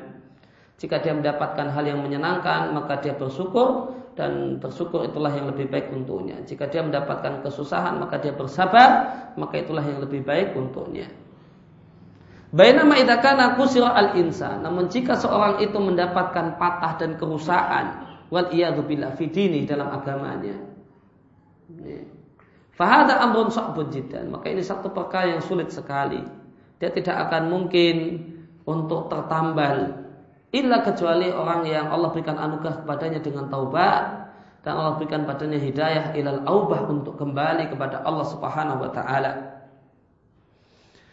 Maka perkataan beliau eh, sedangkan rusaknya agama itu sulit dan tidak akan tertambal. Maka dalam perkataan beliau ini kita jumpai bahasanya musibah itu bertingkat-tingkat. Dan musibah yang paling besar musibah agama. Oleh karena itu terdapat e, dalam doa dari Nabi kita Ali Shallallahu Wasallam di antara doa Nabi wala taj'al musibatana fitinina. Ya Allah janganlah engkau timpakan kepada kami musibah agama. Wala taj'al dunya akbar hamina dan ya Allah janganlah kau jadikan dunia itu untuk kami adalah yang menyita habis pikiran kami wala ilmina dan janganlah ya Allah engkau jadikan dunia itu puncak ilmu kami, ilmu kami yang tertinggi. Taunya cuma agama, nama, eh, taunya cuma dunia dan kosong, blank dalam masalah agama. Demikian doa Nabi yang bisa kita jumpai uh, dalam riwayat At-Tirmidzi dan nilai hasan oleh At-Tirmidzi. Uh, makna dari doa Nabi ya Allah janganlah engkau jadikan musibah kami jadilah janganlah engkau jadikan kami tertimpa musibah dalam agama artinya janganlah engkau timpakan kepada kami dengan satu musibah yang akan mengurangi kualitas agama kami atau bahkan menghilangkannya. Artinya kafir. Atau minimal menguranginya. Nah musibah agama bentuknya min i'tiqadin sayyi keyakinan yang rusak atau taksirin fitoah atau ketidakmaksimalan dalam lakukan taat. Sebagian kewajiban eh, ditelantarkan. Atau yang ketiga fi'li muharram atau melakukan hal yang haram. Ya, tiga inilah yang disebut dengan musibah musibah agama. Punya keyakinan yang jelek ya, kemudian ya, meninggalkan kewajiban atau mengerjakan hal yang haram. Wadali kali anal musibah fiddin karena sebenarnya musibah agama a'zamul masaib. Adalah musibah yang paling besar. Dan ketika orang itu mendapatkan musibah agama, kehilangan Allah Subhanahu wa taala, maka tidak ada gantinya. Segala sesuatu itu jika hilang ada gantinya, kecuali kehilangan Allah Subhanahu wa taala. Dia adalah kehilangan yang tidak ada gantinya. Walaisa anha iwad. Jika orang itu mendapatkan musibah agama, kehilangan Allah Subhanahu wa taala, kehilangan cinta Allah Subhanahu wa taala, maka itu kehilangan yang tidak ada sesuatu apa pun yang bisa menggantikannya. Adapun kehilangan-kehilangan yang lain selama masih punya Allah, maka ada yang bisa menggantikannya. Bikhilafil musibah dunia. Lain halnya dengan musibah dunia. Hilang, ada gantinya. Musibah agama, kehilangan Allah Subhanahu wa taala, kehilangan cinta Allah, tidak ada sesuatu pun yang bisa senilai dengannya, yang bisa menggantikannya. Sebagaimana perkataan penyair, "Min syait idza daya tahu iwadu." Segala sesuatu yang engkau hilangkan itu ada gantinya. Walaysa fillahi in min iwadi. Dan jika engkau kehilangan Allah, tidak akan ada gantinya.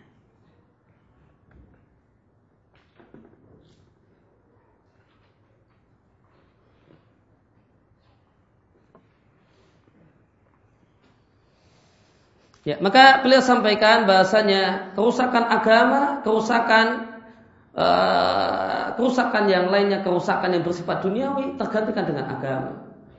Jika orang itu punya sisi negatif, punya kejelekan, ya, maka itu bisa tertambal dengan agama. Boleh jadi orang itu punya sisi negatif apa misalnya ya, cacat fisik. Namun ketika dia adalah orang yang taat, orang yang saleh, orang yang taat kepada Allah dan Rasulnya, bahkan orang yang berilmu, maka cacat fisik ini tergantikan dengan itu semua. Dia akan jadi manusia yang mulia dan dimuliakan di dunia dan di akhirat dengan sebab agamanya, dengan sebab taatnya, dengan sebab ilmunya. Kita jumpai para ulama yang mereka itu punya kekurangan dari sisi sisi duniawi. Ada ulama hadis yang terkenal namanya Akmas yang disebut Akmas karena cacat matanya rabun matanya. Oh, namun dia Amirul Mukminin fil hadis. Ya. Ya. Ada ada kemudian uh, ya, ya, ada kemudian Atta bin Abi Rabah.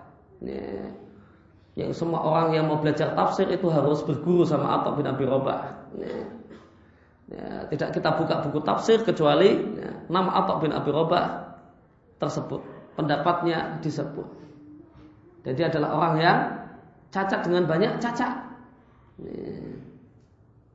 Atau atau bin atau bin Abi Roba. Fisiknya sangat-sangat jelek. Fisiknya sangat-sangat jelek.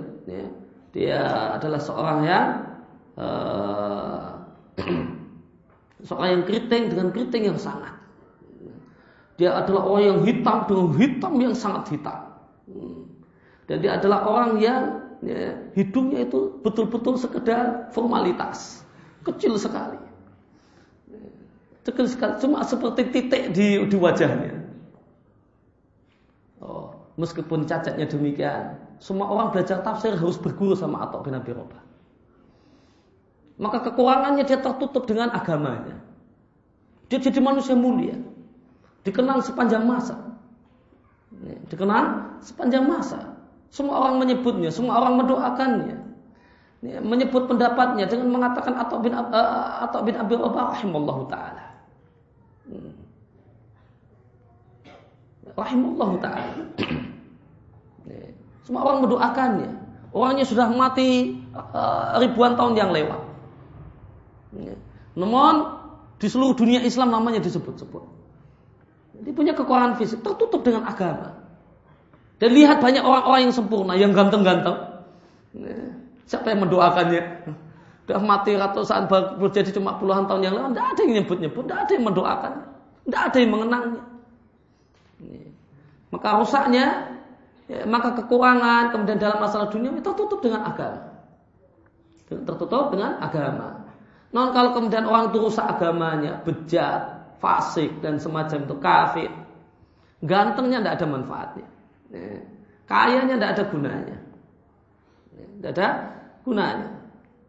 Kalau boleh jadi kemudian misalnya seorang wanita boleh jadi punya kekurangan secara masalah fisik, namun dia bagus agamanya, sehingga dia adalah orang yang kemudian seorang yang salihah dengan ketaatannya kepada Allah Subhanahu Wa Taala, dengan kesabarannya, dengan uh, ya, dengan kemudian uh, konaahnya dan seterusnya.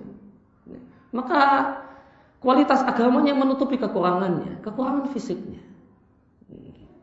Ya, dengan dia seorang penyabar, tidak kemudian cerewet, tidak kemudian ini, seorang yang kona'ah, tertutup. Ya, kekurangan fisiknya tertutup dengan agamanya. Namun coba sebaliknya, itu rusak agamanya, ya, rusak agamanya. Ya, dia tidak punya kemudian uh, kepatuhan kepada suaminya. Ya. Sama suaminya ngeyelnya setengah mati. Nah, ya, cerewetnya tidak karuan. Nah, ya. Ketika ketika kemudian dia ngeyel, cerewet, ya, cantiknya itu tidak ada gunanya. Manfaat cantiknya itu hilang. Maka ketika rusak agamanya, maka tidak ter, bisa tertutup oleh cantiknya, tertutup oleh ini, tidak tertutup. Tidak tertutup. Namun orang yang punya kekurangan dari sisi duniawi, dari sisi fisik, misalnya seorang wanita, seorang istri, namun dia punya kemudian kelebihan dari sisi ya, ya, dari sisi yang lain.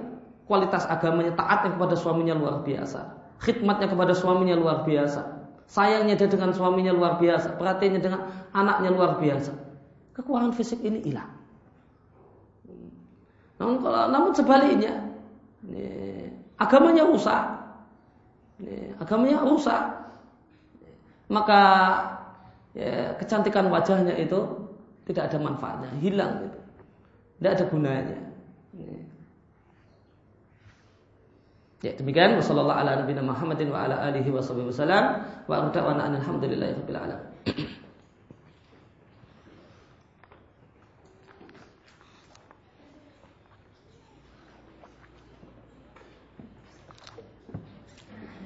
Oh ya, diumumkan uh, Sabtu dan Ahad depan kita libur karena saya tanggal 23 sampai 26 uh, eh, ke Sangatta, Kalimantan Barat.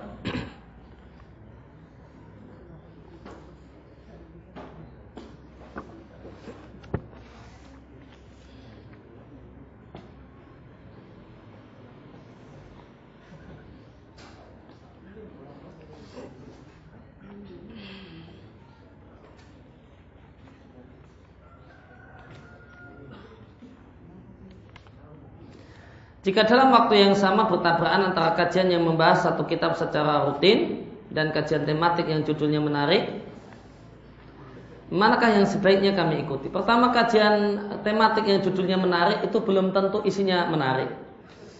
Ya. Ya, sering kali kemudian itu cuma menarik di judul, isinya biasa saja. Ya, isinya boleh jadi sudah kita uh, kontennya yang betul-betul kontennya itu telah kita dapatkan uh, bolak-balik kita dapatkan. bolak-balik kita dapatkan. Cuma judulnya aja yang uh, wah, uh, judulnya ada yang keren. Namun sebenarnya isinya, kontennya itu biasa saja. Boleh jadi sudah bolak-balik kita dapatkan.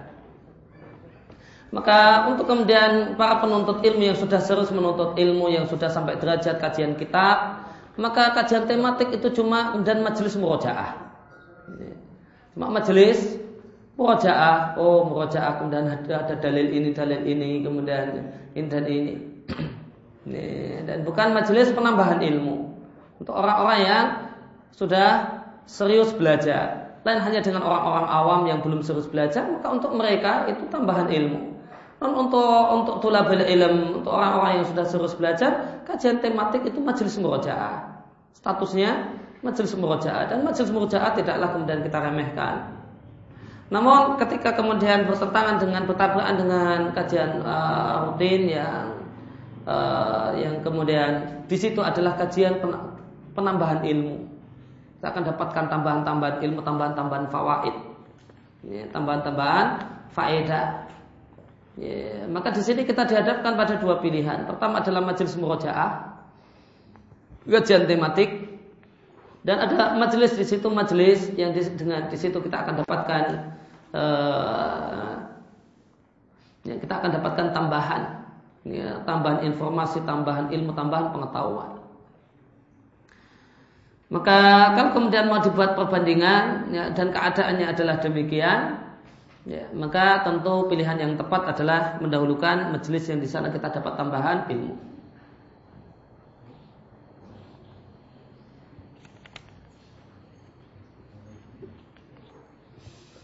Dan kita pun tidak ada kalau kemudian mau merojaah dari kajian tematik tersebut, alhamdulillah di zaman ini tidaklah kemudian kerepotan untuk mendapatkan rekamannya.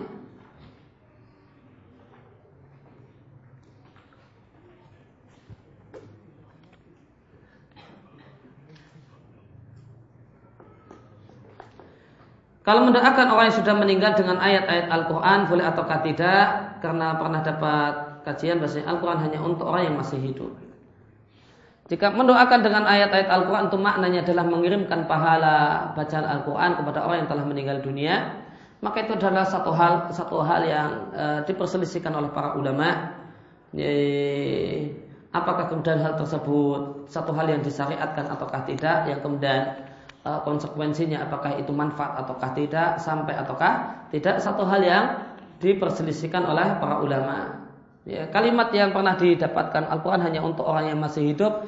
Kalimat untuk kemudian menguatkan salah satu pendapat. Ya, dalam masalah ini itu pendapat yang mengatakan tidak sampainya sehingga tidak dituntunkannya hal tersebut. Dan ini adalah pendapat yang dipilih oleh uh, Al-Imam Syafi'i rahimahullah taala sebagaimana dikatakan oleh uh, dikatakan oleh uh, Ibnu Katsir Asy-Syafi'i rahimahullah taala di tafsirnya ketika menjelaskan surat An-Naml walaysa lil insani illa masa'ah Ya, namun di sisi yang lain ada ada pendapat ya, yang berbeda semacam pendapat Imam Ahmad rahimahullah taala yang mengatakan bahasanya uh, kirim pahala al-fatihah atau yang lainnya uh, untuk orang yang telah meninggal itu adalah sampai disyariatkan uh, dan manfaat ya, masroh dan manfaat. Ini pendapat yang dikuatkan oleh Sayyid Ibnu rahimahullah taala di tafsir surat Al-Baqarah bahasanya kirim Al-Fatihah atau yang lainnya pembacaan Al-Quran adalah satu hal yang masuk, satu hal yang disyariatkan dan manfaat dan sampai kepada mayit. Ini satu masalah yang diperselisihkan oleh para ulama, sampai ulama muasirin pun e, e, berbeda pendapat dalam masalah ini. E, namun Allah Ta'ala alam pendapat yang lebih tepat dan lebih hati-hati mencukupkan diri dengan apa yang eh, amal-amal untuk mayit yang tegas jelas-jelas uh, berdalil. Dan yang tegas jelas-jelas berdalil yang manfaat untuk mayit ya berdasarkan hadis-hadis ada empat amal semata. Yaitu tentu doa ya doa dalam artian ya Allah ampunilah beliau ya Allah sayanglah dia dan jagalah dia dari seksa neraka dan kalimat-kalimat semacam itu. Kemudian yang kedua adalah sedekah untuk mayit. Kemudian yang ketiga adalah ketika mayit itu punya utang puasa, maka kemudian berpuasa untuk mayit. Kemudian uh, haji dan umrah untuk mayit. Maka ini uh, ini yang tepat dengan menghormati uh, yang mengambil pendapat yang mengatakan bahasanya tidak hanya terbatas pada empat hal tersebut, Eh, hal yang lainnya boleh jadi baca Quran juga sampai kepada mayit asalkan ya kita hormati hal tersebut dan kita persilahkan sebagai bentuk toleransi dan penghormatan asalkan dengan cara-cara yang tidak mengada-ada. Ya, dia semata-mata kemudian uh, semata-mata kemudian dia duduk untuk kemudian baca al-fatihah atau yang lain dengan niat dan maksud uh, untuk orang tua yang telah meninggal dunia atau kakek nenek yang telah meninggal dunia atau tetangganya yang telah meninggal dunia. Namun, namun untuk kemudian untuk kirim al-fatihah dan yang lainnya tersebut tidak harus nunggu eh, hari-hari tertentu, waktu-waktu tertentu dengan tata cara tertentu yang dibuat-buat, yang tidak ada dasarnya dan tidak ada landasannya. Bedakan dua hal ini. Permasalahan mengirimkan uh, ngirim pahala e, baca Quran dan yang lain itu satu masalah. Kemudian mengharuskan bahasanya itu harus di hari-hari tertentu, tanggal-tanggal tertentu, dengan tata cara tertentu, ya, ya, kemudian harus dengan kalimat-kalimat tertentu, nah, e, harus kemudian ilah hadrati siapa, titik-titik, kemudian al-fatihah, ya, maka ini yang kemudian uh, patut untuk kemudian digarisbawahi. Jadi kalau kemudian karena hal tersebut adalah sekedar niat, sekedar niat. Ketika dia uh, berniat untuk kemudian kakeknya, kemudian dia baca Al-Quran dengan niat dan maksud untuk kakeknya, sudah maka dia mengamalkan pendapat ulama yang membolehkan, menuntunkan dan mengatakan kalau itu sampai. Bagaimanakah metode yang tepat dalam menasihati orang yang sudah meninggalkan majelis ilmu? Ya, tentu di antara kalimat yang bisa kita sampaikan Ya, setelah uh, anda tinggalkan majelis ilmu kemudian anda ganti dengan majelis yang lain, apakah anda kemudian ya, cobalah berpikir baik-baik, apakah di majelis tersebut anda dapatkan apa yang ada di majelis ilmu? Ya. Apakah kemudian Anda dapatkan di majelis tersebut kawan-kawan yang baik, kawan-kawan yang mengingatkan materi-materi yang mengingatkan kita untuk taat dan seterusnya. Bolehkah berbangga dengan ilmu berbangga dengan ilmu untuk ilmu duniawi? Kalau berbangga di sini maknanya sombong dan ujub, maka tidak boleh baik itu dengan ilmu duniawi ataupun untuk ilmu agama. Bagaimana hukumnya debat untuk saling menonjolkan diri tapi dalam ilmu duniawi. Menonjolkan diri dan menganggap hebat dan seterusnya menyombongkan diri satu hal yang tercela baik dengan dengan ilmu agama ataupun dengan ilmu dunia.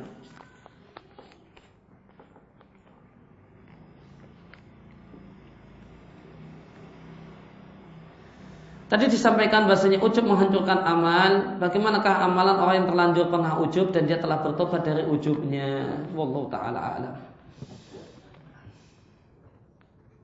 Saya belum pernah dapatkan uh, penjelasan atau belum baca dan semacam itu berkenaan dengan apa yang ditanyakan. Bolehkah melanjutkan rakaat sholat malam jika terdengar adzan subuh?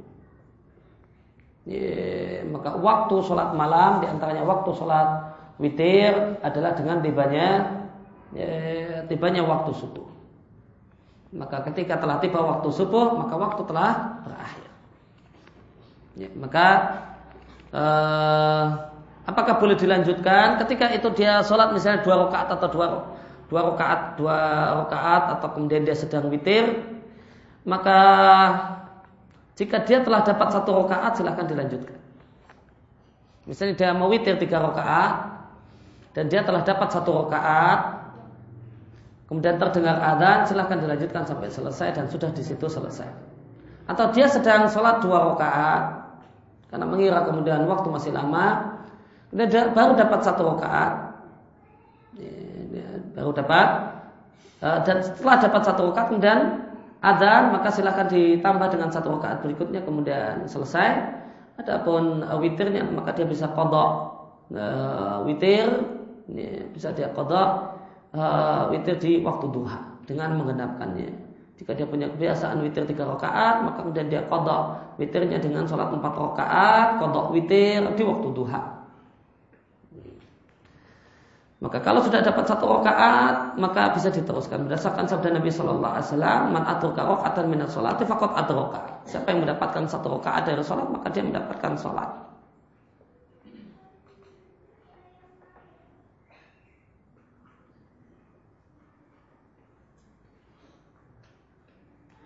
Sebenarnya, uh, sebenarnya berapa lama durasi menuntut ilmu mendengarkan kajian yang optimal bisa full konsentrasi bagaimana jika saya hanya bisa konsentrasi pada satu jam pertama padahal durasinya dua jam. Nah, sebaiknya apakah yang harus saya lakukan?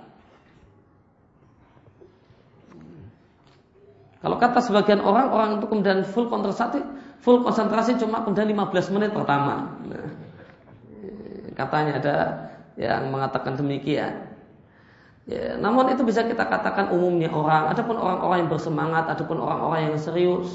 Ya, ya, adapun orang-orang yang semangat, adapun orang-orang yang serius, ya, maka keadaannya berbeda.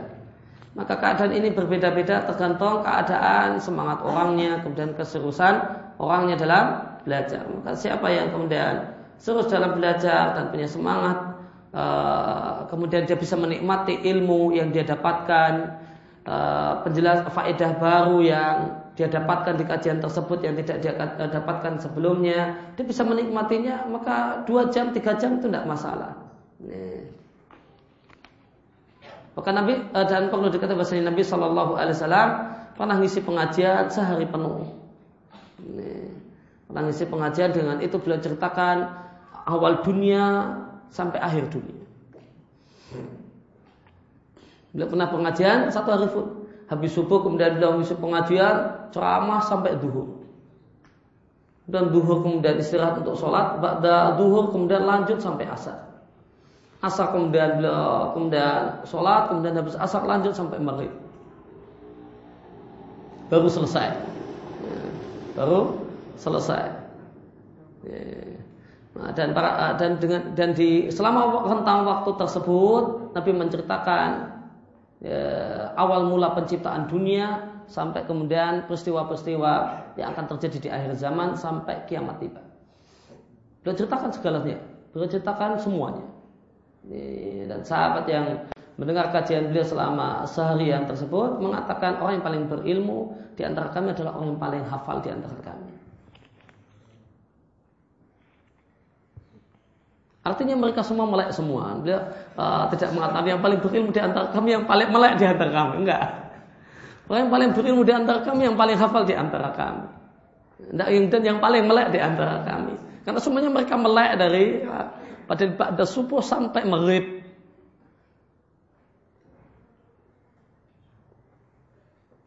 Ada hadis yang mengatakan obatilah penyakit dengan sedekah. Apa hukumnya orang sedekah karena ingin kesembuhan? Bukankah sedekah itu hanya karena Allah? Pertama hadis ini diperselisihkan ulama daif ataukah hasan. Sebagian ulama uh, uh, nah, Al Albani menilai derajatnya uh, Hasan dawu mardakum bisadaqah. Sebagian ulama yang lain menilai hadis-hadis yang daif di antaranya saya pernah baca adalah fatwanya Syekh Abdullah Al Jibrin ketika beliau ditanya tentang masalah ini beliau memilih hadis ini adalah hadis yang daif.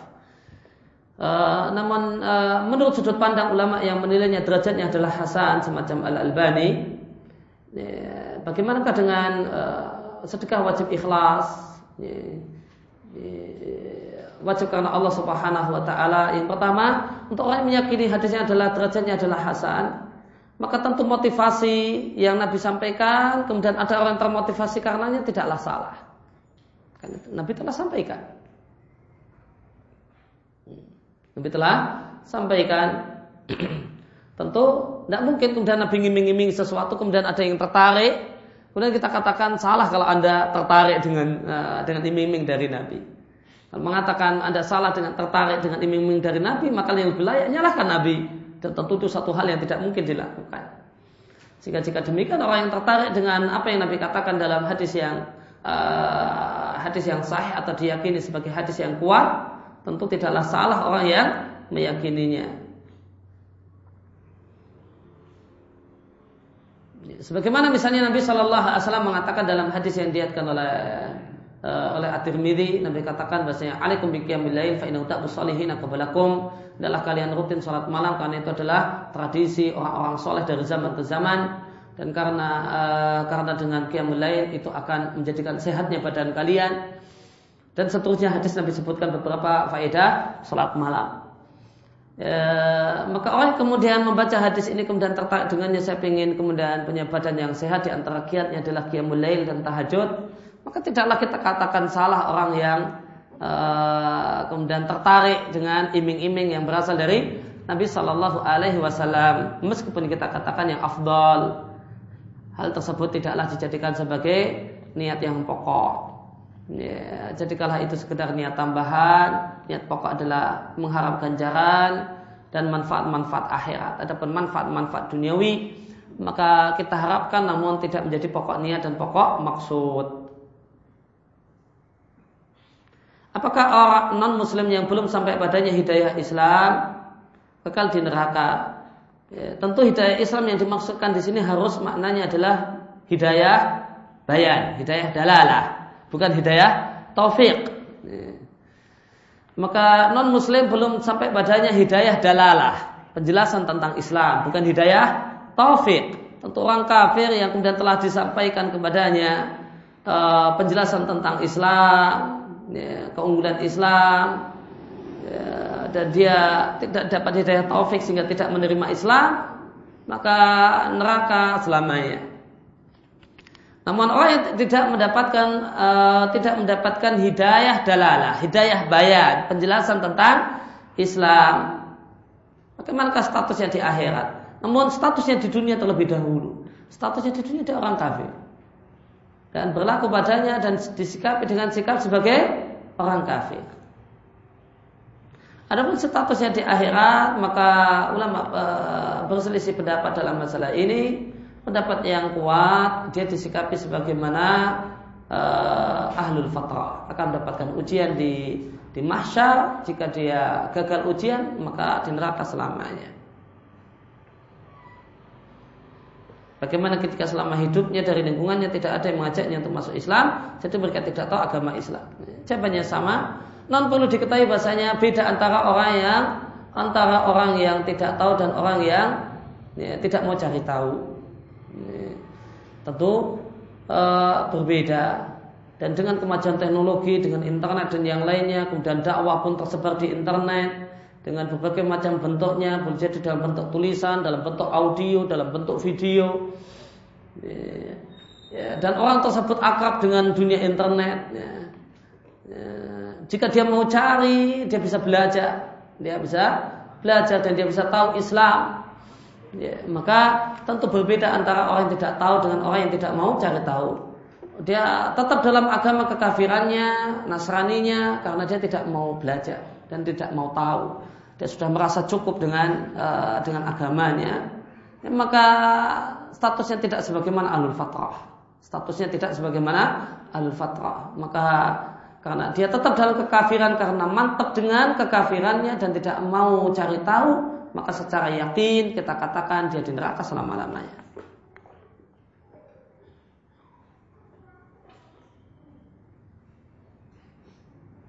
Dalam beberapa hadis dikisahkan kisah beberapa orang yang masuk surga karena melakukan satu amal. Apakah mungkin jika seorang melakukan perbuatan-perbuatan dosa tetapi karena melakukan satu amalan yang menyebabkan dia masuk surga, maka dia masuk surga?